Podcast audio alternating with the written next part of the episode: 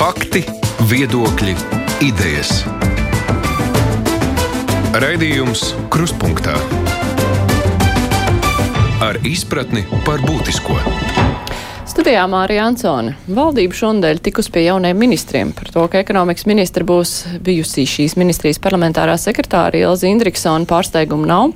Negai, negaidītāk bija valsts ugunsdzēsības un glābšanas dienesta priekšnieka vietnieka Krista Peklona virzīšana iekšliet ministra amatam. Lai gan šajā gadījumā arī bija runāts, ka attīstībai par īsā rezervistu soliņu dēļ nāksies meklēt ministra kandidātu profesionāļu vidū. Bet nu, Latvijas parlamentā bija svarīga diena ne tikai šai ziņā, nu arī mūsu parlamenti ir uzrunājis Ukraiņu Ukrainas prezidents Valdemirs Zelenskis. Nekāds brīnums, ka mūsu valstī viņš veltīja tikai lielu atzinību un pateicību, kamēr dažai citai bagātai rietumvalstī skarbu kritiku. Par to visu un arī citiem notikumiem mēs runāsim kopā ar žurnālistiem. Šeit studijā ir Alīna Lastovska no portāla Delfijas. Sveika! Sveicināt! Ivo Butkevičs no TV3 ziņām. Sveiks, Ivo! Labdien! Ancis Bogustovs no TV24. Sveiks, Ancis! Ļoti prieks jūs redzēt šeit studijā. Un mēs redzam attālināt arī manu kolēģi kolēģi Aidi Tomsons. Sveiks, Aidi, tu šoreiz esi vis tālāk no visiem. Sveiks. Sveika, Māra. Nē, nē, garā turpat vien esmu. Tas ir labi, tas ir ļoti svarīgi. Uh, es sākšu ar uh, Zelensku uzrunu. Uh, parasti ir, nu, nu, pirmkārt jau ir pagājis. Vairāk nekā mēnesis, kopš viņš uzrunāja Lietuvu un Igauniju, man tas bija tā jautājums, o, kāpēc mūs tik ilgi neuzrunā, bet, nu labi, es īsti nezinu, kā tas tiek kārtots, tā rindas kārtība. Mums sanāca toties, nu, trīs mēneši pagājuši kopš kara sākuma. Un, uh, Otra lieta, uh, otra lieta ir tā, ka viņš parasti cenšas, nu, pateikt, jebkurā uzrunā kaut ko tādu, nu, kas pēc tam aiziet ziņās, nu, mm. kas ir eh, tā, tā spēcīgi, jo tas Ukrainai ir svarīgi. Kas bija tas, nu, kas šajā uzrunā jūs aizķēra, nu, tā galvenā ziņā? Ansi? Nu, man likās, ka tur nevajag uztraukties. Viņš eh, zvanīja tām, tiem parlamentiem, kā teikt, savā video zvanā, kur bija jāuzspiež, kur bija vajadzīga izšķiroša rīcība, kuriem ir nezinu, vairāk resursu, lai piešķirtu steidzam vajadzīgos ieročus. Tādā ziņā es neapvainotos par to, jo man liekas, tā uzslava, eh, nu, var nākt arī vēlāk, jo man liekas, mēs ar sirdi, dvēseli un, un, un prātu un, un, un rīcību pierādījām, ka esam sabiedrotie un mums ir prāts un sirds pareizajā vietā. Tur, tur nu, man liekas, forši, ka viņš, teikt, satika mūsu deputātus un uzsit uz pleca latviešiem. Bet, Uh, es visvairāk dzirdēju to nu, izmisumu, nekrietnumu, negodīgumu, ko viņš uh, man pat liekas tālāk cer, ka mūsu deputāti tagad ņems rokās un risinās, kā var būt tā, ka nu, kuluāros Francijas un citu valstu līderi piedāvā izbeigt karu ar nosacījumiem, ka Krievijai jāsaglabā seja. Nu, proti, es visvairāk dzirdēju šo uh, cerību, ka lūk, kā līdz šim jūs Baltijas valstis esat rīkojušās, un, protams, Polija šajā vērtību sistēmā sistēmā saskaņā ar to, kas ir jūsu vērtības, ir arī jūsu darbi, uh, ka tā arī jūs atgādināsiet saviem kolēģiem pie NATO galda, nu, ka mēs vēl aizvien uh, turamies pie principa, ka katrai valstī ir uh, suverēnas tiesības, kas ietver, ka katra valsts pati lemj par savu teritoriju, nevis kaut kādas sejas saglabāšanu vai vēl jau vairāk starp citu. Eh, es atvainojos, ne tikai Krievija, kur karo Ukrainā nedrīkst lemt par Ukraiņas eh, valsts teritoriju, bet arī Francija nedrīkst lemt par Ukraiņas valsts teritoriju. Jo... Nevelti tur parādījās eh, tie, tie zīmēm, ā, nu vajag Krievijai saglabāt savu seju, teritoriju sadot, ā, nu tad atdodam tur Normandiju, piemēram, jā, jā. vai kaut ko tādu. Bet, nu jā, tā, tas arī man klausoties, nu, kaut kā tā aizķēra, tas salīdzinājums Ukraina ir tā, kas cīnās, mm. un tāpēc mums, nu, tik viegli nevar atdot, mums ir tikai tās sejas saglabāšanai prasa kaut kādas teritoriju sadot. Bet būs kāda valsts, kurai nav tik daudz spēka. Mazāka valsts ar mazāk karavīriem. Nu, ko tad rietumi vienkārši atdos? Tā tas izskatās, Alīna. Nē, nu, protams, tas ir ļoti būtisks jautājums. Ja valsts cīnās, ir skaidrs, zināms, kurš ir uzbrucējs, kurš aizstāvās. Nu, tur nevar būt diskusiju, tur nevar būt, man liekas, pat runas par kompromisiem. Uh, atgriežoties pie Zelenska, viņš uzrunāja mums vēlāk, bet mums jau mūsu parlamentu uzrunāja arī spīkers. Nu, tā kā amatpersonas uzrunāja citas, jā, nu tā kā es domāju, ka tur nav par ko satraukties. Ja man liekas arī, nu, mēs saprotam, ka mēs, diemžēl, cilvēkiem ir tā tendence pierast pie ziņām, arī pie sliktām ziņām. Mēs lasām, diemžēl, jau vairāk nekā trīs mēnešus par to briesmīgo karu, un varbūt tas ir tas atgādinājums, ka arī citām valstīm, es nezinu, cik tās uzrunas, publiskās uzrunas tiešām izdara to spiedienu uz lielām citu valstu amatpersonām, bet ļoti svarīgi šo nu, domu uzturēt publiskajā telpā, publiskajā nu, apziņā. Nu, ja amatpersonas uz to nereaģē, nu, varbūt iedzīvotāju sabiedrības pilsoņu spiedienu spiediens viņiem liks izšķirties par kaut kādiem izlēmīgākiem soļiem. Nu jā, man ir pilnībā jāpievienojas tādā izpratnē, protams, ka nekādu šaubu un kompromisu īstenībā nevar būt. Viss izdarīt no ļoti vienkārša principa, kura tanka ir kurā valstī. Nu, viss, nu, ar to stāsts beidzas. Situācijā, kad uh, jo sevišķi šonadēļ tās balss, kas jau ir kā kaut kādu laiku klejo, bet tiešām kļuva tāds ka, nu, prominentāks un skaļāks par to, ka kaut kādus kompromisus varbūt uh, varētu izdarīt uz Ukraiņu, ne tikai teritorijas, bet ar Ukraiņu rēķina. Nu, tas ir nožēlojami. Es vakar biju ar Saimā tieši, kad bija tā uzruna, var pastāstīt, tiešām tas. Mm, bija tāda emocionāli pieso, piesātināta gaisotne. Bija ar sajūtu, ka šī nu, nav parasta uzruna, jo nu, saimā jau brauc viesi pa laikam visu laiku. Un, um, Tas, ko es piefiksēju Zelenska uzrunā, bija skaidrs, ka dažādos platformās, formos, vietās, kur viņš sniedz šīs uzrunas. Viņš parasti mēģina atrast ne tikai kaut ko, kas nokļūst ziņā, bet arī kaut ko, kas aizķer konkrētu auditoriju, kur viņš uzrunā. Kad viņš uzrunāja kongresu, man šķiet, ka tas bija kongresa ASV, viņš piesauca teiksim, terora aktu, kas viņiem bija nu, jau pirms 21 gadu, laikam, sanāk. Viņš mēģina šādas paralēlas vilkt ar to cilvēku likteņiem, kuri ir iespaidoti, un, protams, ar mūsu runā viņš uzrunā piesauc represijas, deportācijas, citas lietas. Man ir liels prieks prieks, ka tad, kad šis viss kaut kādā veidā rezultēsies kaut kādā iznākumā. Un, nu, pieņem, mēs visi, protams, ceram, ka uh, tas būs uh, nepārprotami pozitīvs Ukrainai. Man ir liels prieks īstenībā, un es to bieži nedarīšu, kā teiksim, tā teikt, kompliments, pol, pol, kompliments politiķiem, bet par to, ka tad, kad būs tas nu, morālais tribunāls vismaz mums visiem, mēs, mēs bijām stāvējuši pareizajā pusē, un par to man tiešām liels gandarījums. Mm. Aidi, Kas tevi aizķēra vakardienas uzrunā? Ne, nu, es nezinu, vai es kaut ko tādu īpašāku varu pateikt. Ir jau skaidrs, ka nu, tajā Zelenskas teiktajā jau var sadzirdēt to sāpi, ko viņš saklaus tajā brīdī, kad kāds viņu pamāca, ko vajadzētu darīt attiecībās ar Krieviju. Un droši vien jau iemesls, kāpēc nu, viņš var tik ļoti novērtēt, ja pateikt paldies Latvijai, Lietuvai, Igaunijai Polijai, tāpēc, ka mēs jau esam mazliet gājuši līdzīgai vēsturei cauri, pareizāk sakot, mums jau tā. Nu, tā sajūta un tas, tās domas, ko Zelenskis atkārto atkal un atkal, taču pašiem labi zināmas. Mēs jau patiesībā domājam ļoti līdzīgi. Tās ko Latvija arī visus iepriekšējos gadu desmitus, viņa jau ir mēģinājusi par to pašu runāt, arī gan Eiropas parlamentā, gan tiekoties ar valstu vadītājiem, bet redzi, nu, nesaprot jau.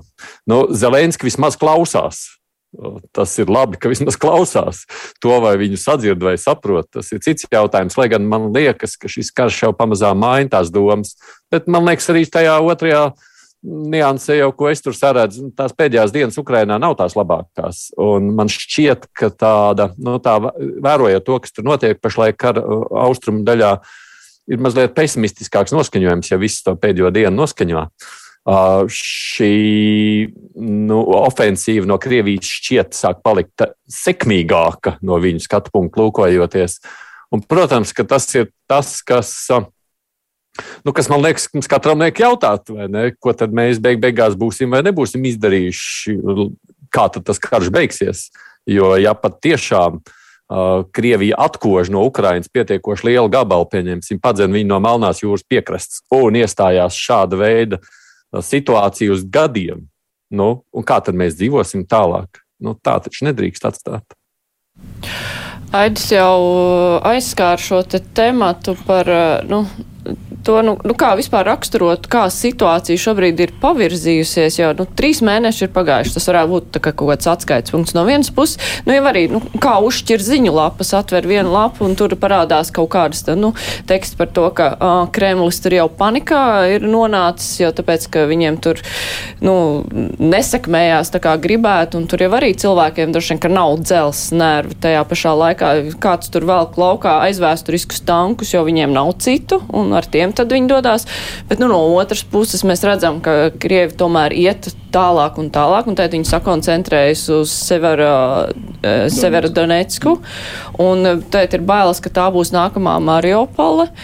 Un īsti nevar saprast, nu, kā tas noskaņojums tās svārstās, jo nav jau tāda ļoti objektīva rādītāja. Nu, tad uz kuru pusi, un vienā brīdī arī bija, ka Ukraiņi, nu tāds. Uh, arī tāda ziņa, nu, ka Ukraiņi viņi jau saņem, nu, jau ieroči, tur ir tā, ko paprast to dod, ko paprast to dod. No otras puses mēs redzam, ā, solījumi jau bija daudz, bet uh, Ukraiņiem to ieroči tā kā laikam tomēr pietrūkst.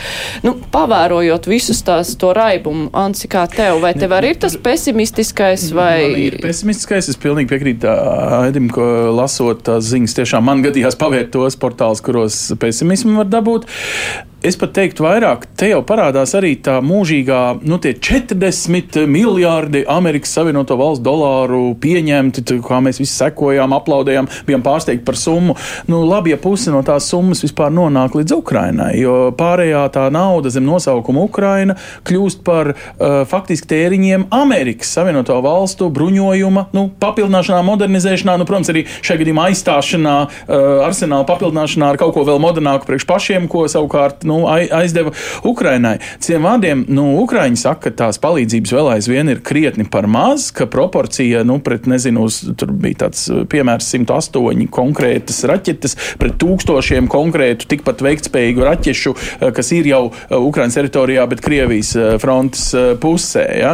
Nu, labi, salīdzinājums var atrast noteikti visādi statistiski, gan jau, ka ir arī kāds pārsvars kādā citā ieroču grupā, mm, bet um, nu, vēl viena lieta, ko, ko vienkārši visu laiku ir laikam arī nu, jāatcerās, ka Ukraina nav tik liela kā Krievija, un arī tas cilvēku resurss vai tā attieksme pret saviem cilvēkiem, protams, vēlme nosargāt eh, dzīvo spēku, un Krievijas savukārt proporcionāli vēsturē vienmēr pie, pierādītā nerēķināšanās ar dzīvo spēku. Protams, ka Krievija šo nu, status quo, šo no, nomērdēšanu var turēt, ja tā var teikt, ilgi, jo viņa ir ar ko šķiesties, nu, protams, ar savu jaunu cilvēku dzīvībām. Tas skan šausmīgi. Man, man žēl, ka man kaut kas tāds vispār jārunā šajā gadsimtā par jebkuru valsti, vienalga civilizētu vai necivilizētu. Bet tas arī, man liekas, principiāli nu, rāda Nu, man liekas, tas arī raisa to mūsu izmisumu, jo mēs saprotam, ka nu, ieildes konflikts nozīmēs daudz vairāk vēl dzīvību, kas tiks zaudētas, var teikt, visās frontes pusēs, daudz dziļākas vātas un, un, un, un traģēdijas. Tāpēc nu, man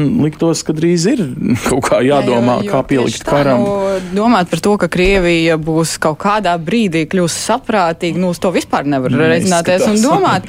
Un tas par tiem cilvēku resursiem un cilvēku dzīvībām, kas, Jā. kur Krievijas varēja pilnīgi vienā vienalga par šiem nu, cilvēkiem. Mums rietumos tā ir galvenā vērtība. Bet tajā pašā laikā nu, ir kaut kāds eh, tomēr lūzuma punkts, ka tas dzīvais spēks, tie tomēr ir cilvēki, kur arī grib dzīvot. Protams, mm. viena daļa tur paklausīgi ies un aizies, bet, eh, nu, cilvēki jau sāk slēpties, mediķus, mm -hmm. kuriem jau tur pienāk ziņas, ka jūs tieks, tiksiet mobilizēti, ka viņi jau sāk kaut kā mēģināt nozust no sasniedzamības. Nu, tas nu? ir jautājums par Krievijas iedzīvotājiem. Nu, ir cilvēki, kuriem ir iespēja aizbraukt, kuriem mm. vēl ir Schengens vīzes, vienkārši kaut kur slēpties Krievijā jā, uz vietas. Bet ir ļoti liela daļa iedzīvotāju kaut kur reģionēs, kuriem, man liekas, tādas iespējas nav. Nu, kur viņi var mukt? Nu, ne, ir jau tas vecais labais stāsts, tā, ka negribēja iet Krievijas Krievijas armijā, nu tieši Krievi, nu Jā. ko viņi dara, viņi aiziet uh, pie tantes dzīvot, un viņš vienkārši tajā deklarētajā adresē mm, nav no. sasniedzams. Tā ir ļoti daudz darījuši. Jā, protams, bet nu visi tā izdarīt visi nevarēs, un, protams, viņi diemžēl papildinās to noziedzīgo mm. armiju. Mm. Bet tas, par ko es mudinātu domāt, nu vispār nevis par to, nu kāds varētu būt iznākums, vai mēs pesimistiski vir, nu, vērtējam pašlaik, jo, nu, kara darbība attīstās, skaidrs, ka tur ir dažādi pavērsieni, bet vai, me, nu, tas, par ko mēs sākām, ko mēs vēl varam darīt vairāk, lai atbalstītu, lai palīdzētu palīdzētu, kas ir tas, ko mēs kā nu, daļa no civilizētas rietumu sabiedrības varam darīt? Drīkst ideju. Ir... Mums, nē, mums vienkārši tā situācija, tas, ko man šķiet, nu, ir diemžēl jāatzīst, ka visticamākais mēs esam kļuvuši nonākuši periodā, kurā sākas nu, visticamāk tādas krietni asiņainākas kaujas nekā bija varbūt sākuma posmā tieši militārā izpratnē. Un visticamāk, tas kļūs tikai trakāk. Bija sākumā arī karam sākoties, bija šīs vēstis par tieši Krievijas uh, cilvēku resursu. Runājot, protams, ka nu, šos cilvēkus vairāk sūta no reģioniem, nevis no lietotājiem pilsētām, kur tas blīvums ir lielāks un, attiecīgi, varētu ar tā iekšējā sociālā neapmierinātība celties uz augšu. Tas, kas attiecas uz ieročiem, nu, nu, es dzirdu ļoti daudz frāžu, protams, no rietumu politiķiem, un visi vēlas uh, nedaudz uh, paveidot savas sabiedriskās attiecības uz tā rēķina. Nu, atceramies kaut vai to, ka mums cik ilgs bija diskusijas par to, kādus ieročus mēs varam un kādus nevaram mm. sūtīt, un uh, to robežu šķirtni liekot par, pret uztveri, kas varētu būt aizsardzības tipa ierocis un kas varētu būt uzbrukuma tipa ierocis. Uh, Ukrāņi vairāk kārt un daudzreiz runājuši, ka viņi vēlas iznīcinātājs, viņi vēlas tālās darbības raķešu sistēmas, kas viņiem var palīdzēt, jo sevišķi pat labam, piemēram, uh, Donbasa reģionā Nu, būs jāskatās, kāda būs tā reakcija. Šodien man sanāca intervēt arī kongresmeņus no ASV Baltijas atbalsta grupas, mm. Baltijas kaukus, kā to angļu valodā teiktu, kur teica, nu, kuri vismaz cik es ar viņiem sanācu parunāt, nu, ka tas viedoklis arī vismaz uh, uh, Vašingtonā sāk nedaudz mainīties, nu, kad tas spiediens arī no uh, viņu kongresmeņiem sāk pieaugt. Nu, redzēsim, protams, Latvijas iespējas šajā situācijā nu, nesam un nebūsim mēs militāri lielvalsts, ne mums ir uh, aizsūtīta tiešām tāda raķešu sistēma iznīcinātāja. Tas tomēr ir mums, mē, tas, ko mēs varam mēs darīt. Mēs arī paši gribam tādas dabūt. Mm -hmm. Ansi, kas tev bija par ideju? Kāda ideja? Es vienkārši domāju par to, ka NATO pirms kaut kādiem vairāk kā sešiem gadiem bija norganizējusi neitrālajos ūdeņos, Sarkanajā jūrā un Indijas okeānā pie Somālijas krastiem pirātu uh, kontrolēšanu, uh, nu, lai uh, tirdzniecības kuģi, kas, protams, iet cauri Sovietas kanālam, um, nu, būtu netiktu aplaupīti. Nu, šobrīd būtībā, kas notiek, ir tiek aplaupīta raža priekš, nu, ēdienas priekš afrikāņiem, proti šie slavenie graudi no uh, Ukrainas, kurus nevar izvest, uh, ja ved pa zemes ceļiem caur dzelzceļu un, un kravām, kas būtībā nozīmē arī kontrolēt, nu, šai gadījumā tā ir Turcija, NATO valsts, kurai pieder Bosforu jūras šaurums, Melnā jūra ir savienots ar to, tālāk ar vidusjūru. Nu, tā tad uh, viena normāla NATO operācija vienkārši slēgt Melno jūru Krievijas kara kuģu uh, darbībai, nodrošināt Galu galā, ka šis drošības koridors no lielākajām ostām, proti, ap Odesu esošajām, ir iespējams, lai Ukraina vestu graudus. Tātad, vai tas ir par Ukraiņas iekšējām lietām, vai tā ir NATO iejaukšanās Ukraiņas teritorijā? Nē, tas ir par starptautiskiem ūdeņiem, par zve, nu, jūras lietu drošības garantēšanu, tādu pašu kā šobrīd operācija, es saprotu, tiek veikta it kā mācību ietvaros pie Zviedrijas un Somijas krastiem, lai nu, izvairītos no pārsteigumiem no garām braucošajiem karakuģiem, kuri kursē starp Kaļiņingradu un, un uh, Pēterburgu. Nu, tātad, um, ja to var izdarīt Baltijas jūrā, Tad kāpēc to nevar izdarīt Melnajā jūrā, kur arī ir NATO valstis, kas uh, apkārtnē kontrolē tāpat Rumānija, un, un uh, Turcija un Bulgārija? Ja? Tad, tad nu, mm. vienkārši man tas liekas vienkārši uh, normāls darbs, kas nav kvalificējams kā iejaukšanās, kā tur Putins teica, pamēģiniet tik iespērt savu nu, jā, pāri. Droši vien par uztveri, nevis par uh, klasifikāciju. Es to nu, saprotu, jā. jā. Aidi, kā tev šķiet, uh, nu, šajā te, nu, jau tā kondīcijā, kad nu, ir pagājis kaut kāds laiks un ir atslābusi varbūt nezinu, tas tā pirmā jūsmā atbalstīt, tajā pašā laikā, nu, no rietumu puses mēs arī redzam, kā ir transformējusies kaut kāda gatavība palīdzēt. Bet kā tev šķiet, vai rietumi NATO tajā skaitā, nu, ir aiztransformējušies tik, dā, tik tālu, lai varētu meklēt kaut kādus, nu, tādus, nu, risinājumus, lai varētu aktīvāk palīdzēt Ukrainai? jau tā problēma, ka man liekas, ka es neredzu, ka to darītu, jo nu, šīs satrunas patiesībā nav mainījušās. NATO ir bail, ka ja viņi kaut ko darīs, lūk, uztvers, ka tad viņi iesaistās karā. Piedod, ja runa ir par kaut kādu propagandas izmantošanu, ja kā tas ietekmē Krievijas auditoriju, kas varētu būt arguments, tad šis jau sen vairs nestrādā Krievijas informatīvajā laukā. Sen jau nu, visi Krievi pārliecināti, ka viņi karo ar NATO. Tur tas nekur nemainīsies. No tā, ko sacīja Ansis, un es domāju, ne tikai no tā, te jau arī pagājušā nedēļa atkal parādījās ziņas, ka, nu, lūk, tomēr NATO kopumā ir lēmuši, ka viņi nevarētu tur sūtīt gan aviāciju, gan vēl kaut ko, jo tad, lūk, Krievija to uztvers. Nu, ne, jā, ne, bail, ka es rupšķi nepalieku, bet apmēram tur tajā sadaļā ir tā, ka, un, un ko tad Krievija darīs? Nu, nu, ko mēs tā domājam? Vai tiešām domājam, ka Krievija šajā brīdī, ja darīja to, ko Ants tikko sacīja, ka Krievija ņems un bombardēs Turciju? Vai, nu, vai kā mēs to iedomājamies? Nu, ko tad Krievija tajā brīdī darīs? Lūk, šī te. Uh, no, redzi, ārlietu ministrs, man liekas, ekonomikas formā šajā nedēļā sacīja, ka viņam ir divi pārsteigumi no šī kara veidojušies. NATO mazspēja un Eiropas Savienības spēja mobilizēties. Nu, šajā reizē gandrīz nu, Tā jau tas izskatās, vai ne? Ja Eiropas Savienība, kas bija absolūti nu, galīgi šādā ziņā, nu, likās nekādā veidā saistīta ar nekādu militārās palīdzības sniegšanu, viņi to ir spējuši un šķiet kaut ko joprojām spēja vairāk izdarīt šajā jomā.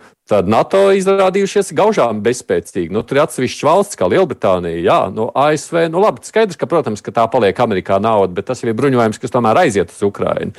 Tad kopumā, kā NATO, nu, es es biju gaidījis daudz vairāk. Tomēr. Nu jā, nu, bet Eiropas Savienība kopumā, ka Eiropas Savienība, kur ir Vācija un Francija, kuras ir parādījušas sevi ne no tās labākās puses, nu, tur jau arī tā vienotība, protams, nu, jā, tas, ka nē, nu, Skaidrs, ka Eiropas Savienība tādā ziņā, ka nu, tā jau vispār ir ekonomiska savienība. Tā jau nav militāra savienība. Tā vispār šajā, šādi jautājumi nav jārisina. Eiropas Savienība, mēs redzam, arī nav spējusi ar to sankciju paketi tik galā. Nav jau tur nekas ideāls, es par to nerunāju. Es vienkārši saku, kā institūcija, jo mēs, nu, kā, gan Eiropas Savienībā, gan NATO ir tāpat Vācija un Francija, iekšā jau ir abās iestādēs. Jautājums tikai par to, kā institūcija to spēj uh, nu, nu, šajā brīdī uh, kaut ko darīt vai nedarīt lietas labā. Nu labi, bet, piemēram, pievēršoties Latvijai, Latvijas atbalstam, viena lieta ir sabiedrības atbalsts, nu, kurš tomēr nu, sāk atslābt, jo cilvēki ir jau paguruši. Bet, nu, protams, atbalsts ir, bet mazāks. Otra lieta ir valdības atbalsts, kurš tur arī nu, kavējās tie lēmumu pieņemšanu, un Ukraiņi tā arī nesaprot, kas viņiem tur parīt notiks. Bet nu, tagad ir pieņemts tas lēmums par tiem 30 dienām. Bet nu, kopumā mums šodien bija diskusija, kur mēs, nu, kā vispār skatīties uz šo jautājumu, jo skaidrs, ka nu, mēs nevaram atļauties viesnīcu baznīcās izmitināt uh, tūkstoši, desmitiem tūkstoši cilvēku, un kaut kādā brīdī, nu, tur naudas būs, uh, nekā nebūs. Bet, nu, mums ir arī pašiem jāorientējas uz to, nu, ka mēs nevaram tā tik plašu sirdi visiem palīdzēt, nu, ka būs kaut kā tā kā citās valstīs. Nu, ir kaut kāda vieta, citreiz pat angārs, citreiz kāda sporta zāle, kur visi pieticīgi tiek izmitināti un ar kaut ko pabaroti. Mums arī nāksies līdz tam nonākt, Alīna. Kā tu domā? Es ceru, ka nē. Es gribētu domāt, ka nē, bet uh, mēs visi ļoti labi zinām, kas mūs visus gaida priekšā. Uh, viens ir uh, neskaidrs, nu, kas neskaidrs problēmas, uh, ļoti liels enerģētikā, milzīga inflācija, vēl kaut kādi jautājumi, kas arī ietekmēs to visu. Un mums jau ir skaidrs, nu, nu, man liekas, ka tas ir par to jādomā kopsakarībā, gan palīdzība Ukraiņiem, gan ko mēs darīsim paši ar saviem iedzīvotājiem. Kāda būs tā piedāvājuma pakete, nu, ko Kariņš ir uzdevis, kāds viņam ir jūnija vidus, nākt klajā ar risinājumiem līdz 1 septembrim pieņemt, nu, tas ir ļoti novēloti. Man uh, viss šis um, ir, ir atklājis kaut kādu nu, vienkārši fundamentālāku un dziļāku problēmu vispār tajā uh, sistēmā, kāda ir uzbūvēta vienkārši tādā nu, jau pastāvīgā nespējā risināt krīzes, kas pienāk. Uh, man bezmazliet plakstiņš sāk raustīties, klausoties politiķu runas. Tagad, kārtējo reizi mums galvenais ir sagatavoties rudenim, tas viens pret viens man uzreiz atmiņājuši divas Covid vasaras, mm -hmm. vajag sagatavoties rudenim, vajag visu izdarīt, pienāk rudens. Mums mums ir auzas no plānošanas, no pārvaldības, no lēmumiem, no atbalsta. Labi, otrajā gadā atbalsts vēl bija kaut cik iedzīgāk sakārtots. Nu, nu, tur kaut nu, kas ir fundamentāli ir jāpārskata. Visu laiku kaut kas ir jālabo. Ir skaidrs, ka tā ir krīze, visiem tas ir negaidīti, bet tagad mēs diezgan varam prognozēt, ka rudenī būs ļoti slikti. Šodien ir mājas, nu kāpēc jūnija vidus ir termiņš, ko mēs agrāk nezinājām pāris mēnešus iepriekš to. Un ļoti labi mēs zinām, ka 1. oktobrī mums ir vēlēšanas.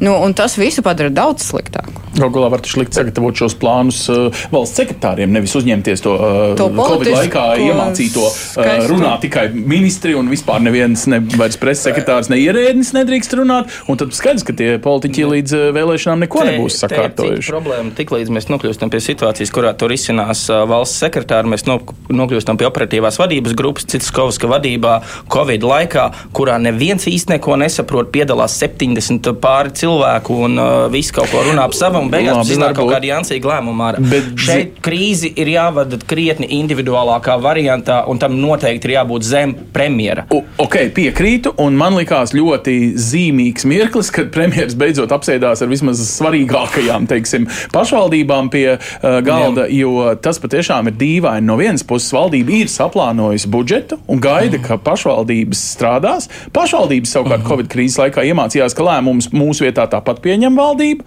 Proti, mēs esam tikai izpildītāji. Viņiem ir mazliet dusmas, to mazliet nu, kaut kādas tur lietas. Jo patiesībā, ja no naudas plūsmas viedokļa skatās, tad nu, patiesībā nauda ir sadalīta. Gan eh, nu, kaut vai tiem pašiem iedzīvotājiem, kas var uh, izīrējot savu istabu vai jumta istabiņu, uh, iegūt attiecīgi līdzekļus, kompensējot komunālos vai kādus citus maksājumus patvērumu meklētājiem. Nu, vai, vai tā. Tad, um, Patiesībā nauda ir, to darītāju trūkst. Mazliet arī varbūt sapinušies kaut kādā pirmsvēlēšanu jūklī vai nu, Nu, tur laikam kaut kādā. tur ir arī koordinācijas jautājumi, kā tas viss notiek. Jā, bet pašu valdība ir saistīta ar vārdu pašvaldība. Nu, paši uzņemamies iniciatīvu un darām. Nu, es dzirdu, ka eh, sakarīgākās pašvaldības sakarīgi pastāsta, hei, kas ir mūsu resursi? Skolā ir kopmītnes. Eh, Kopmītnes vasarā nav aizņemts. Jā, basketbola nometne, kas nesa vasarā līdz šim peļņu, eh, nevarēs notikt. Nu, jā, tāpēc, ka pirmkārt Ukrainā ir karš, jā, pa, paliks nedriblēta bumba vai ne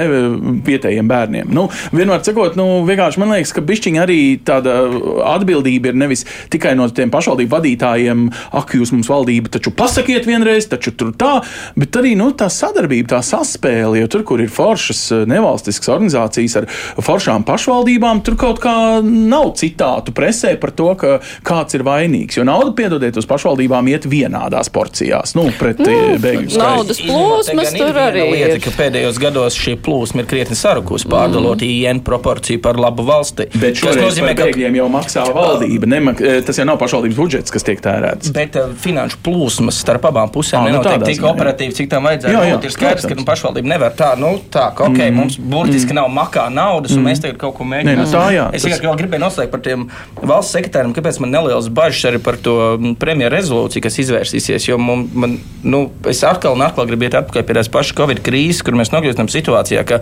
tā, ka es uzdodu jums četrām ministrijām kaut ko izdarīt, un ir skaidrs, ka tajā situācijā, ne piemēram, labklājības ministrija var kaut ko ietekmēt, ko domā un dara veselības ministrija, ne otrādi. Tas nozīmē, ka beigās ir kaut kas salipināts no visa pāri. Un, nu, dabūjām rezultātu tādu, kā dabūjām. Tur ir jābūt tai situācijai, ka vai tas notiek, es nezinu. Tiešām varbūt kaut kādu īpašu uzdevumu ministru, kuram ir arī deleģējums un pilnvars kaut kā ietekmēt to procesu, kas notiek, vai nu vienkārši tas ir premjera virsvadībā. Jā, es arī uzskatu, ka premjeram noteikti par šo ir jāuzņemās atbildība, jo man liekas, nu, tas ir viens no tādiem galvenajiem jautājumiem, kas ir tagad jārisina. Tagad uzreiz tas ir jādara. Un arī nu, tas, ko mēs tur runājam par Covid krīzi, bet arī tās energo cenas un tas risinājums, ko mēs visi redzējām nesen, nu, es nezinu, vai kādam ir iespējas, ka tas ir labākais, ko varēja darīt. Aidi, tev var šķiet, ka premjeram ir jāuzņemas lielāka iniciatīva un tagad šīs krīzes gan saistībā ar bēgļiem, arī par rudeni domājot, nu, ka ir vienkārši jāņem lietas savās lokās, rokās un tad jābūt pašam tam koordinētājam, lai nav bumbiņas jāmētās starp ministrijām. Bet nu, te ir divas lietas, ko jūs sakāt, un tās divas tomēr tik cieši nav sasaistāmas. Viena lieta par bēgļiem, otra lieta par enerģētisko krīzi. Par bēgļiem ir īpaši tavu piebildi, sakot, vai vienā pienāk, ka mums arī kaut kur jāizmitina viņas kādos angāros. Nu, tas jau grib vai negrib tajā situācijā, nu, kā to mājokļu ir tik, cik ir. Nu, nu, nu, Latvijā mēs zinām, mums pašiem bieži vien Latvijā cilvēki neatrod, kur meklēt, vai ne īres uh, cenu dārguma dēļ, vai kā citādi. Vai. Līdz ar to tas jautājums nu kā, ir tik, cik ir, un tad pārējais tiek meklēts kādās lielās kopējās telpās, un tā jau ar bēgļiem visā pasaulē, visos konfliktos. Tur nav nekā īpaša. Vienkārši tā palīdzība jānodrošina un nu, jāorganizē. Bet attiecībā uz to enerģētikas krīzi, te nu gan es gribētu sacīt, nav viss tik vienkārši. Tā problēma jau ir tāda, ka, man liekas, ja runājam par pašu premjeru, viņš jau tā kā ir uzņēmies atbildību. Tā rezolūcija nenozīmē, ka viņš negrasās to lietu koordinēt. Tā problēma jau tur ir cita. Un tas mums jau šodien par to diskusiju bija arī kruspunktā. Tā problēma ir tāda, ka Latvijā nav līdz šim vispār bijusi politiskā griba organizēt mērķtiecīgu palīdzību tiem, kam tā ir nepieciešama. Mums tā ir bijusi ļoti noteiktās formās, atsevišķos gadījumos ar pašvaldību sociālajiem dienestiem, visādi citādi. Mums ir bijuši helikopteru naudas, visiem pensionāriem 13. pensija, visiem daudzbērnu ģimenēm tur katru mēnesi pa 50 eiro un tā uz priekšu par bērnu. Mums šāda veida palīdzība ir bijusi, un tās politiskās gribas līdz šim nav bijis. Covid krīzē to varēja izdzīvot, tāpēc, ka nauda bija. Nākošajā krīzē izskatās, ka naudas nebūs. Tāpēc jau tā ziema ir tik riskanta. Šis ir absolūti pilnībā piekrīt, neizdarīts mājas darbs, bet es nezinu, vai te var braukt tikai virsū vienīgi šim premjeram. Šis ir visu partiju atbildība pēdējo gadu desmitu laikā. Es saprotu, ka Latvija ir viena no ratajām, starp citu, laikam jau nevienīgā Eiropas Savienības valsts, kurā mēs nezinām, cik iedzīvotāju saņem patiesībā, nu, ja mēs nerunājam ekonomisko, cik ir, iedzīvo, cik ir nu, ienākums viena maisaimniecības locekli. Mums šādas informācijas vienkārši Latvijā nav. Un tas, ko šī premjera rezolūcija nozīmē, ka viņš saka, ka ir steidzami tas jāizstrādā līdz jūnija vidum, lai vismaz sistēma ir izstrādāta, lai to varētu līdz septembrim ieviest. Uh, Es paredzu, mīļie kolēģi, ka tas būs šajā vasarā bezgalīgi karsts temats. Jo tas, ko es trešdienas diskusijā sapratu, kas līd ārā no valsts ieņēmuma dienesta, no pašvaldības savienības un arī no labklājības ministrijas, tur būs ak, ak cik daudz interesantu jautājumu, lai vispār kaut ko tādu varētu izdarīt. Pirmkārt, tas būs jautājums par iedzīvotāju deklarēšanās sistēmu un to, ka tā būs jāņem par pamatu. Un es paredzu, cik daudz mēs šeit atradīsim caurumus, kāpēc mēs bļausim, kāpēc tas nedara kāpēc to ir grūti ieviest. Tur parādās ļoti daudz arī citi aspekti, jo vienmēr jau būs kaut kādas, nu, kā zināms, caurumi, kuros kāds krīt ārā cietā. Es paredzu, ka šis būs šajā vasarā ļoti karsts temats, bet to, ka tas ir jādara, obligāti. Es saku, šis, tas ir šīs vasaras galvenais temats. Ātrāk to gribēdam nevar izdarīt. Ja tas nav izdarīts 20 gadu laikā, to nevar izdarīt vienas nedēļas laikā. Nā, jā, ja vēl, ja, vēl to, ja, jā, ja vēl to sapluso šo te e, zināšanu par ienākumiem neesamību ar milzīgo ēnu ekonomikas apjomu, tad ir skaidrs, ka, tā, ka viss atbalsts tur aiziet kolēģi, tik par pabalstiem, par to, ka tiem jābūt mērķētiem, ka mums jāspēj atrast cilvēkiem, ka tiešām, kuriem tie ir nepieciešami. Mēs runājam tikpat ilgi, varbūt pat ilgāk, mm. kā par to, ka mums veselības aprūpei trūks naudas. Tie ir tādi temati, par ko mēs runājam gadiem. Kāpēc mums tas ir jārisina krīzes brīdī? Brīdī, kāpēc mēs to nevaram atrisināt miera laikā? Un, protams, mēs nesakām, ka premjeras vienīgais vainīgais atbildīgais, bet premjeras ir valdības vadītājs. Līdz ar to tā atbildība ir liela, kas uz viņu gulstās, ko viņš arī pats ir uzņēmies. Bet te ir arī vēl viens tas aspekts. Jā, pirmkārt, nav naudas veselībai, sistēma nesakārtota, sistēmas sakārtošana, nu, ne tu nav finansiāli tik ietilpīga problēma, cik veselības nozareis finansējuma nodrošināšana. Un šai valdībai ir atlikuši daži mēneši. Nu, varbūt ilgāk, kamēr izveidos nākamo, bet nu, ideja ir kāda. Ja tā ir šī, ja šai valdībai tā nebija 22. gada vasaras pamata problēma. Tā bija 20. gada vasara, prama, vasaras pamata problēma, kad mēs bijām pirmie mēneši Covid krīzē.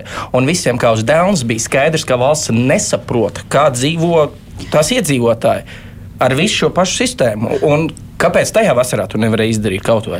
Bet, jau tu atceries, nu, pilnīgi noteikti, nu, uz cik vēlēšanām partijas iet ar to, ka mūsu galvenā, nu, viena no galvenajām problēmām ir nevienlīdzības nu, mazināšana. Nu, Mēs par to runājām gadiem, nu, un tas taču saprast, cik kurš saņem, kāda, kā, kādam ir ienākumi, vēl kaut kādas iespējas, tas taču ir pamatā tam, lai šīs problēmas risinātu. Nu, es saku, man jā, bet, ļoti, ļoti. Jā, un kā jau Vaidis arī norādīja, ka vienmēr ir bijusi milzīga pretestība, lai sāktu ieviest kaut vai to pašu pašu nulles deklarēšanos, lai varētu saprast. Jo tāpēc, nu, acīm redzam, daudz nav ieinteresēti, lai tas notiktu. Tāpēc arī nu, ir tieši tāpēc ir politiskā atbildība, politiskā Jā. griba risināt un darīt. Un tagad mēs atkal atdūramies pret to, ka mums 1. oktobrī ir vēlēšanas, un vai mm. politiķi pieņems kaut ko tādu, kas eh, varētu nepatikt lielākai daļai vēlētāju. Es atvainojos, nē. Jā, bet mums ir strauji jāiet uz priekšu. Mums ir jārunā arī par iekšpolitiskām citām lietām. Ansi, sākšu ar tevi. bet es atgādināšu, ka šodien kopā ar mums Aits Tomsons atrodas attālināti mans kolēģis, bet šeit šeit studijā ir Ants Pogustovs no TV24, Alīna Lastovska no portāla Delfī, Ivo Butkevičs no TV3 ziņām. Mēs tad tūlīt turpinām. Raidījums Krustpunktā. Par tiem jaunajiem ministriem. Nu. Es jau teicu, ka nu, tas, ka būs uh, bijusī parlamentārā sekretāre par ekonomikas ministru, nu, tur jau tas tik pro prognozēts. Iekšēt ministrs, mēs te pirms nedēļas runājam, ka jā, nav tas rezervistu soliņš gārš, nāksies meklēt pie profesionāļiem. Nu, tagad ir atrasts profesionālis, kurš nāk no VUGT, tā ir civilā aizsardzība. Mm. Teiksim, ja mēs runājam par bēgļu krīzi, tieši tas, kas ir vajadzīgs. Bet kāpēc Golubeva aizgāja no amata? Kāpēc viņu spieda aiziet no amata? Tā nebija Tas nebija bēgļu jautājums, tas bija policijas un drošības jautājums. Vai jaunais ministrs ar šīm problēmām tiks galā, Ansi, kā tev šķiet? Man viņš atstāja ļoti labi iespēju gan toreiz, kad viņš uh, vadīja diezgan apjomīgas meža ugunsgrēkus kurzemēs. Viņu atceros uh, televīzijā vienā nu, ļoti sakarīgā sarunā, kurā cilvēks, nu, tā kā apzinājās resursus, apzinājās situāciju. Vakar Nacionālajā televīzijā skatījos, viņa atbildes uh, likās ļoti strukturētas, loģiskas. Uh, nu, protams, nu, ir viens, ka tu vādi dienas, no otrs, ka tu sāc pīties politikā ar dažādām viltīgām frāzēm, kuras vienmēr lieto vārdu šķietams, visdrīzāk uh, centīsimies, nu, visu šito, kas ir, protams, arī jāapgūst tīri kā politiķim. Un izskatījās, ka viņš bija gatavs mainīt šo savu amplitūdu un startēt arī nākamajās vēlēšanās, kas, uh, nu, savā ziņā ir vienkārši no cilvēciskā viedokļa fantastisks uh, tramplīns. Proti, visi viņu tagad apbrīnos uz četriem mēnešiem, wow, tu uzņēmies tik sarežģītā mirklī, un, un tu tagad tā un šitā. Nu, tas ir politiskais kapitāls, un ja viņš to var likt lietā, nu, tad viņš viņu ir pelnījis pelnījis. Nu, tīri, ka viņš saņems kaut kādā mērā avansā, jo tajos pirmajos četros mēnešos, nu, plus vēl varbūt tiešām pāris mēnešus eh, jaunās valdības sastādīšana. Ja, um, nu, eh, teiksim tā, viņam kaut kāds audzēšanas režīms jau dabiski būs. Nu, tīri uz politiku viņi varbūt neslidinās pa to pašu banānu politisko mizu, pa kuru varbūt mēģināja visu laiku grūstīt uh, iepriekšējo ministri, mm, citi politiskie spēki. Nu, es nezinu, man savā ziņā nekad nav paticis, kad uh, nu, tādi forši struktūru vadu, vadītāji, kuri ir iemācījušies būt apolitiski, kuri uh, runā ar faktiem, kļūst par politiķiem, bet no otras puses, kur tad citur? Tur tos profesionālus un foršos politiķus, lai ņem. Nu, tad, nu, labi, paldies bet, Dievam, ka ir līdera pieredze, nu, jā, nu, vadības labi. pieredze. Viņam, teiksim, būs kaut kāds saudzēšanas laiks. Tajā pašā laikā nu, visi taču atceras, ka Galubevas aiziešanas iemesls bija tas, kas notika pie tā pieminekļa, tāpēc tas, ka policija pieņēma ne tādus lēmumus, tas, ko atklāja valsts policijas priekšnieks, ka bija vēl au, no augstākiem plauktiem nākuši lēmumi, kas uz vietas netika pildīti. Un tad beigās vēl bija jautājums tā, un tad tās drošības iestādes, vai viņām nebija ziņas, kāpēc tas viss notika ar tādu novēlošanos. Tas nozīmē, ka viņam ir tajā sektorā arī vismaz jāsāk ieviest kārtību. Viņam ir tā. Jā, kapacitāte. es domāju, ka tas medus mēnesis varbūt nevarētu sanākt tik ilgs, cik varbūt Ants prognozēja. Un jo mums priekšā ir tiešām lietas, kas iekšlietu jomā būs liela izaicinājuma. Tā pati pieminiektu nojaukšana, protams. Jā. Mm. Un uh, ir skaidrs, ka tik jutīgā jautājumā tur nu, daži nepareizi soļi, un tas medus mēnesis ļoti ātri mm. gāzīsies. Mm. Uh, tas, ko mēs redzējām attiecībā uz uh, Golubevas uh, demisiju, uh, kur es gan pats raksturotu nedaudz vairāk uh, par ļoti lielām komunikācijas problēmām. Skaidrs, ka viņai tur nevajadzēja iet ar steku cilvēku dzenāt vai kaut ko tamlīdzīgu. Tas, kāds tika komunicēts pēc tam, manuprāt, bija drausmas. Ir skaidrs, jā, ka kaut kādas problēmas tur ir identificējušās. Man līdzīgi Kansim konkrētā persona atstāja kompetentu mm. iespaidu tajās mm. intervijās, ko šodien esmu klausījies ar viņu. Un, nu, jācer, ka tā vilkme būs tā teikt iekšlietu jomā starp tiem dažādiem resoriem, kas viņiem pašiem apakšā ir ne tikai uz teikt, civilo aizsardzību un būtu kompetenci, bet ar citām. Nu, ļoti grūti man prognozēt, ja vienkāršāk sakot, vienkārši nezinu, kā tas izdosies viņam citās lietās, kas attiecas uz iekšlietu jomu. Mm -hmm. Alīna, kāds tev iespējas? Nē, es varu tikai piekrist, ka iespējas pagaidām ir ļoti labs. Tā abrīna, jā, mēs zinām, pie mums ļoti strauji nomainās jā, taisnība, pilnīgi taisnība. pretēju nostāju.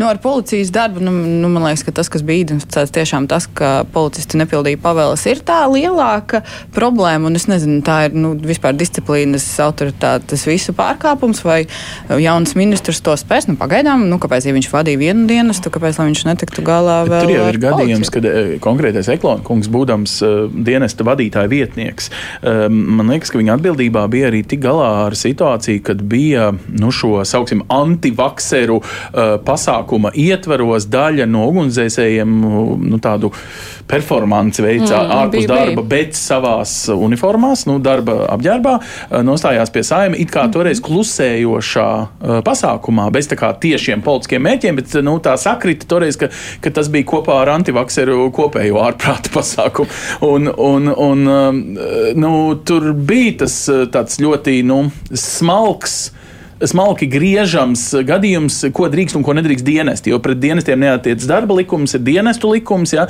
Uh, tur ir specifiski arī nosacījumi, ko drīkst darba laikā un ko drīkst uniformā darīt. Un, ja es pareizi saprotu, tad Klonkungs ar to administratīvi tika galā. Nu, tādā mm ziņā, ka uh, nebija asinis, vismaz mēs te radio nedzirdējām ziņās neko, bet vienlaikus bija nu, kaut kādas nu, jā, reakcijas. Tas bija tā kā tāds pieredze ir cilvēkam. Tāds nu. treniņa laukums. Jā, jā. Aida, kā tev šķiet, vai, vai jaunā iekšēta ministra nu, panākums uh, ir atkarīgs no tā, nu, cik labi viņam izdosies vienkārši sadarboties ar, piemēram, policijas vadību, jo šajā gadījumā, nu, skaidrs, ka te jau vairāks ir atkarīgs no tā, cik veiksmīgi Rukam izdosies uh, sakārtot lietas, tikt vaļā no nelojāliem cilvēkiem un uh, vai no šī sadarbības ar resoriem ir vairāk atkarīga jaunā ministra veiksme vai neveiksme. Nu, šis ir tāds jautājums, kur es baigi arī grasos iespringt. Jo, nu, jau, mums ir bijis ļoti dažāda pieredze ar tiem, kas nāk no malas, ar veiksmīgiem un mazāk veiksmīgiem. Daži ļoti sekmīgi ienākuši politikā, citi pēc tam izgāzušies un tikpat ātri izkrituši. Tā ir tāda jautājums, kas man liekas arī nu, visam jādod laiks. Mēs jau zinām, šajā situācijā tiem, kas ienāk no malas, ir cits izaicinājums, jo tajā brīdī no tā politiskā atbalsta bieži vien no citām partijām ir krietni mazāk, ja piesardzīgāks, tāpēc, nu, ka viņš vienmēr tiek uzskatīts kā tāds nu, profesionāls uz pagaidu laiku. Un tas ir jautājums, kā pats ministrs ar to tālāk tiek galā. Jo droši vien jau, ka ja viņš ir spējis kaut veiksmīgi darboties savā struktūrā līdz šim, gan jau es domāju, nu kā, jebkurš jau kļūst par lielāku priekšnieku, sākumā esot mazāks priekšnieks.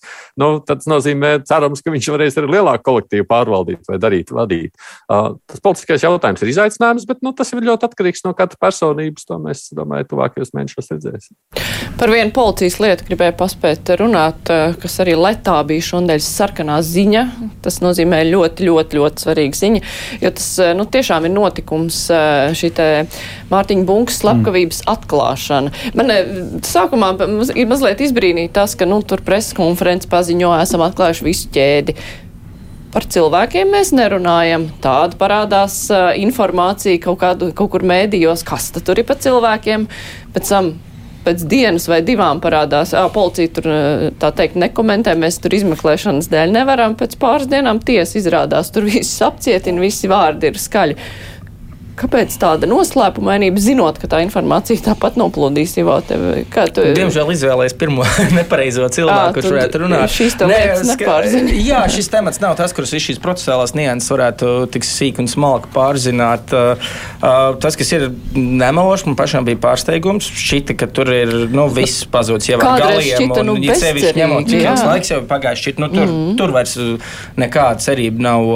Nu, redzēs, ko tālāk, protams, kā tālāk attīstīsies uh, viss uh, process, kāds būs tiesa un vispārējais. Bet, nu, Skatīsimies tālāk, bet par tām visām procesuālām niansēm, diemžēl, no, tur es uh, nebūšu zinošākais cilvēks. Bet, bet ja drīkst, es iejaukšos mazliet. Es, man liekas, ja es pareizi sapratu no tā, kas parādījās publiskajā telpā, tas informācija jau kā tas nonāca līdz šim, ir tāpēc, ka Ukrainā to izpildītāju, laikam, vai vienu no tiem dalībniekiem aizturēja citas, ja, nu, citas nozieguma sakarā, un viņš vienkārši tur uh, sāka runāt. Nu, līdz ar to šādā veidā arī tā informācija nonāca uz Latvijai. Nu, kaut kādā brīdī veiksmi varētu sacīt, bet nu, labi.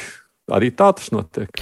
Bet uh, ir jau vēl nu, dažādi pieņēmumi, ka šī, tas, ka beidzot tika šī lieta atrisināta, kur taču pa vidu likās, nu, ka nekas nebūs, ka radinieki tur naudu izsludina un sūdzās par to, ka policijā tur nu, tiek bremzēts. Un tagad uh, ir versijas, ka nu, tas ir saistīts ar uh, personāliju maiņu policijā. Tā varētu būt, vai par to mēs uh, labāk neaiztiksim, kamēr mums nav pierādījumu. Mm, tas būtu ļoti skaļš apgalvojums. Mm. No kārtas spekulēt, ka uh, par uh, šādām lietām domāju. Jā, es domāju, ka runājot par policiju un kriminālu lietām un noziegumiem, labāk tiešām balstīties uz faktiem un ļoti tādu pārbaudāmu, zināmu informāciju. Ja mums drīzāk jāpriecājas, nu, ja, ja, ja, ja par aizgājējiem, tad tikai labi šeit gadījumā no politiskā amata aizgājējiem. Nu, man liekas, ka viena no labām lietām bija tā kvalitātes celšana, kā apņemšanās gan no iepriekšējai ministrei, gan es dzirdu tālāk, Eklons gribēja to turpināt, nu, tīri izglītības līmeni izmeklējošam personālam, un, un ja tas ir saistīts ar kadru maiņu, varbūt arī izmeklēšanas procesā, nu, tīri kāds cits izmeklētājs ar svaigām acīm paskatās uz tiem pašiem mapītē esošiem faktiem, un, un lūk, plus vēl veiksmi no Ukrainas, plus vēl kas, un, un saliek kopā. Man tas, zin, kurā izveida tajā brīdī, kad es dzirdēju, o, oh, tiešām, vai tas jau nu, vispār bija atrisināms. Man tas aizved pie tādām personīgām pārdomām par to, cik mēs uzticamies savas valsts tiesiskumam, cik mēs paļaujamies viņam. Es domāju, arī tādās pavisam pat mazās sadzīviskās privātās lietās man ir ļoti daudz, diemžēl, dzīvē gadījumu, kad es esmu atmetis ar roku, nu, ko es tur tērēšu savu laiku un resursus par kaut kādu, zini, nozaktu divriteni vai ko. Jo es vienkārši padomāju par to, ka Bunkus bija pirms daudziem gadiem, eh, nu, vairākiem gadiem, ziņojis policijai par konkrētām personām. Un šis fails nu, tagad jau salikts kopā šajā slepkavības lietā, ir kalpojis kā pavadiens. Protams, viņš ir profesionāls jurists, protams, tur varbūt bija kaut kādas cits, citas domas arī viņa galvā, kas to lai zina. Bet, proti, nu, cik bieži mēs tā, ai, nu, ko tad tur process, tas jau būs ilgs un ko, nu, tiesiskā valstī procesi ir ilgi. Nu, skaidrs, ka arī tiesiskās valstī dzīvo neģēļi un, un viņi arī māk tās sistēmas jaukt pēdas un ko tik vēl nē. Bet, um, nu, man tas kaut kā personīgi tā iedvesmoja varbūt nākošais, ja ir kaut kāda darīšana, nepaklusēt, nepastāvēt malā, ne no, ne, neatmest ar roku. Nu, es ceru, ka par daudz mazākām lietām. Nu, jā, šo. nu, tā atmešana ar roku jau arī radusies cilvēkiem no kaut kādas bēdīgās pieredzes. Jā, un, skaidrs. diemžēl arī noziedznieki ir paļāvušies iespējams uz to, ka nu, mm, nu, šādas protams. lietas jau neatklās, un mm. tāpēc ir tik pārdroši arī veikuši šo slepkavību. Protams. Bet, nu, labi, man gribētos tomēr mūsu šīs diskusiju beigt ar skaistām Lai, lietām. ar gājienu, kas notika no brīvības pieminiektu uz uzvaras parku. Alīna, nu kāds iespējas sev radās pēc šī gājiena, ka tā teikt, no, ir cilvēki, ka jūs sakāt, nepareizi cilvēki, jo gājiens, viss bija brīnišķīgi. Man ļoti sarūktināja personīgi tā runa par pilsonību, tā iniciatīva, kas bija saistīta ar organizatoriem. Nu, man tas bez tās iniciatīvas viss būtu skaisti, brīnišķīgi un ļoti tiešām iedvesmojuši par to, ka cilvēki pulcējās, neskatoties uz visu, kas tur tajā dienā bija, mm. hokejs un uh, laikapstākļi un viss, visi aizgāja tiešām, jo nu, tas, ko mēs runājam, neesmest ar roku, pilsoniskā stāja, savu viedokļu paušana ir ļoti būtiska demokrātijai. Mm. Protams cilvēki spēj organizēties, kas ir labi. Ir viena pozitīva lieta, kas ir iznākusi ārā no šī mm, drausmīgā kara Ukrainā, nu, teiksim, no mūsu perspektīvas, kas ir tiešām, ka man šķiet, ka tā pilsoniskā sabiedrība, tā paša iniciatīva uz kaut kādām aktivitātēm ir nu, nenormāli uzplaukusi mm. vienkārši šajā laikā. Un es nerunāju tikai par gājieniem, es domāju par kravu sūtījumu organizēšanu. Nu, visu pēc kārtas, vienkārši kas tik te nenotiek. Un, uh, tiešām tas ir tāds nu, pozitīvs aspekts, ko man šeit nevajadzētu tālākā uh, laika gaitā pazaudēt kuri, starp citu, man liekas, ļoti svarīgi pieminēt, ja mēs skatāmies uz sejām, kas to visu dara. Tie ir ļoti daudz jauni cilvēki. Mēs ļoti bieži pierakstam, ah, nu jaunieši jau baigi egoisti, viņi jau tikai glāsta Instagram un uh, dzer kafiju kofīšopā. Ja? Nu, tā pilnīgi nav. Man bija vienkārši līdz asarām liels prieks redzēt tieši tajā gājienā un arī tajās uh, Ivo pieminētajās visās uh, sabiedriskajās iniciatīvās tiešām tādas nu, visas vecuma grupas, ka tas nav tāds tikai, kā teikt, vēsturisks piemiņas vai, vai citas lietas. Sanāk, ka latviešu DNA nesam, viss ir kārtībā un, un, un šajā vērtību sistēmā par to, nu jā, ka pietiek mums tā teikt ciest un kaut kādu vēstures uh, iecietību, vienkārši respektējam pašu savu vēsturi, mācāmies no apkārtnes kļūdām un nu, kaut kādā mērā arī uh, uzticamies paši sev ar vien vairāk. Man liekas, ka tas arī izvilka cilvēkus ielās, mazliet tāds izmisums par to, ka lūk, lielvalstu tuļīgums un rīcība uh, nu, virzienā pret Ukrainu, kas, kā zināms, ir teritorija ziņā viena no lielākajām valstīm, 20% no, no saprotu, pārtikas aprites vienam, vienai otrai valstī pat 100%. Ja? Un, un lūk, ka, ka nu, šī, nu, mēs domājam par savu cenu, ja kāds dara mums pāri. Nu, tas ir tas, tas, eh, kas mums laikam arī, arī izmisums izved ielās. Tas ir vēsturiskais mm -hmm. nu, genofons, kas tur mm -hmm. arī mhm. tajā sabiedrībā iekodēts, un visticamāk, jā, tur eh, ļoti daudz jūt uzjundīja arī mm -hmm. notikumu Ukrainā. Un, jā, nu, Bet nu, šajā gadījumā šis gājiens jau bija tā kā pozitīvās preti. pilsoniskās jā. aktivitātēs, un viss ir ļoti, ļoti jauki. Nu, jā, šajā gadījumā šis gājiens bija tā kā pretsvars tam, ka mēs redzam, ka karš Ukrainā notiek, un te uz to desmito māju iznāk cilvēki, kuri tur pauž pauž pilnīgi citus uh, noskaņas, nekā mēs te jūtam, un kuri atbalsta Krieviju, un tāpēc gribās paust nu, kaut ko pretēji, ka nē, tā nav. Aidi, kāds tev radās iespējas? Es nezinu, vai es beigšu daudz ko var jaunu atsevišķi piebilst tajā visā sakarā. Man liekas, ka apmēram tas, ko jūs kolēģi sacījāt, tāds arī ir. Tā vairāku prasību salikšana vienā tā, man liekas, bija nevajadzīga. Jo tas patiešām es domāju, kādu daļu samulsināja tajā visā. Bet uh, man jau patiesībā netik daudz tas gājiens interesē, man vairāk interesē, nu labi, tālāk, kas notiks ar to nojaukšanu. Es drīzāk priecātos, ja te parādītos arī tā mūsu pilsoniskā iniciatīva, nevis tur meklēt, cik miljonus, lai mēs varētu kuriem tur samaksāt, kas nojauc. Tad, nu, līdzīgi kā tur kāds būvdraugs, man liekas, bija pieteikšies, ka viņi gatavi šo procesu uzraudzīt pavelti. Man liekas, mēs viņu gribētu, varētu nonest diezgan pieklājīgi ar tautas gribēšanu lētāk. Nē, nu, lētāk, jā, bet ar domu spēku jau nenonesīs. Tomēr, nu, jā, jā, jā. jā. Nē, nu, labi, es piekrītu, ka to vajag darīt profesionāli, bet uh, man tomēr mulsina viss šī procedūrālā situācija, kāda tur veidojās, nu, kad mums tur gandrīz vai no Vācijas jāsūta speciāla tehnika, kur mēs maksāsim miljonus, lai varētu to stabu dabūt lejā. Vienu minūti palikusi, vajag kaut kādu nu, tādas operatīvākas risinājumus, kā Edis iesaka tam. Nu, es vienīgais dzirdu tādu lielu simbolismu, ka tehnika ir tieši no Vācijas, kas oh. nones šo piemēru. Tad neatnāks. Tad jau laikam neatceros. Nē, tā cena man arī ļoti samulsināja.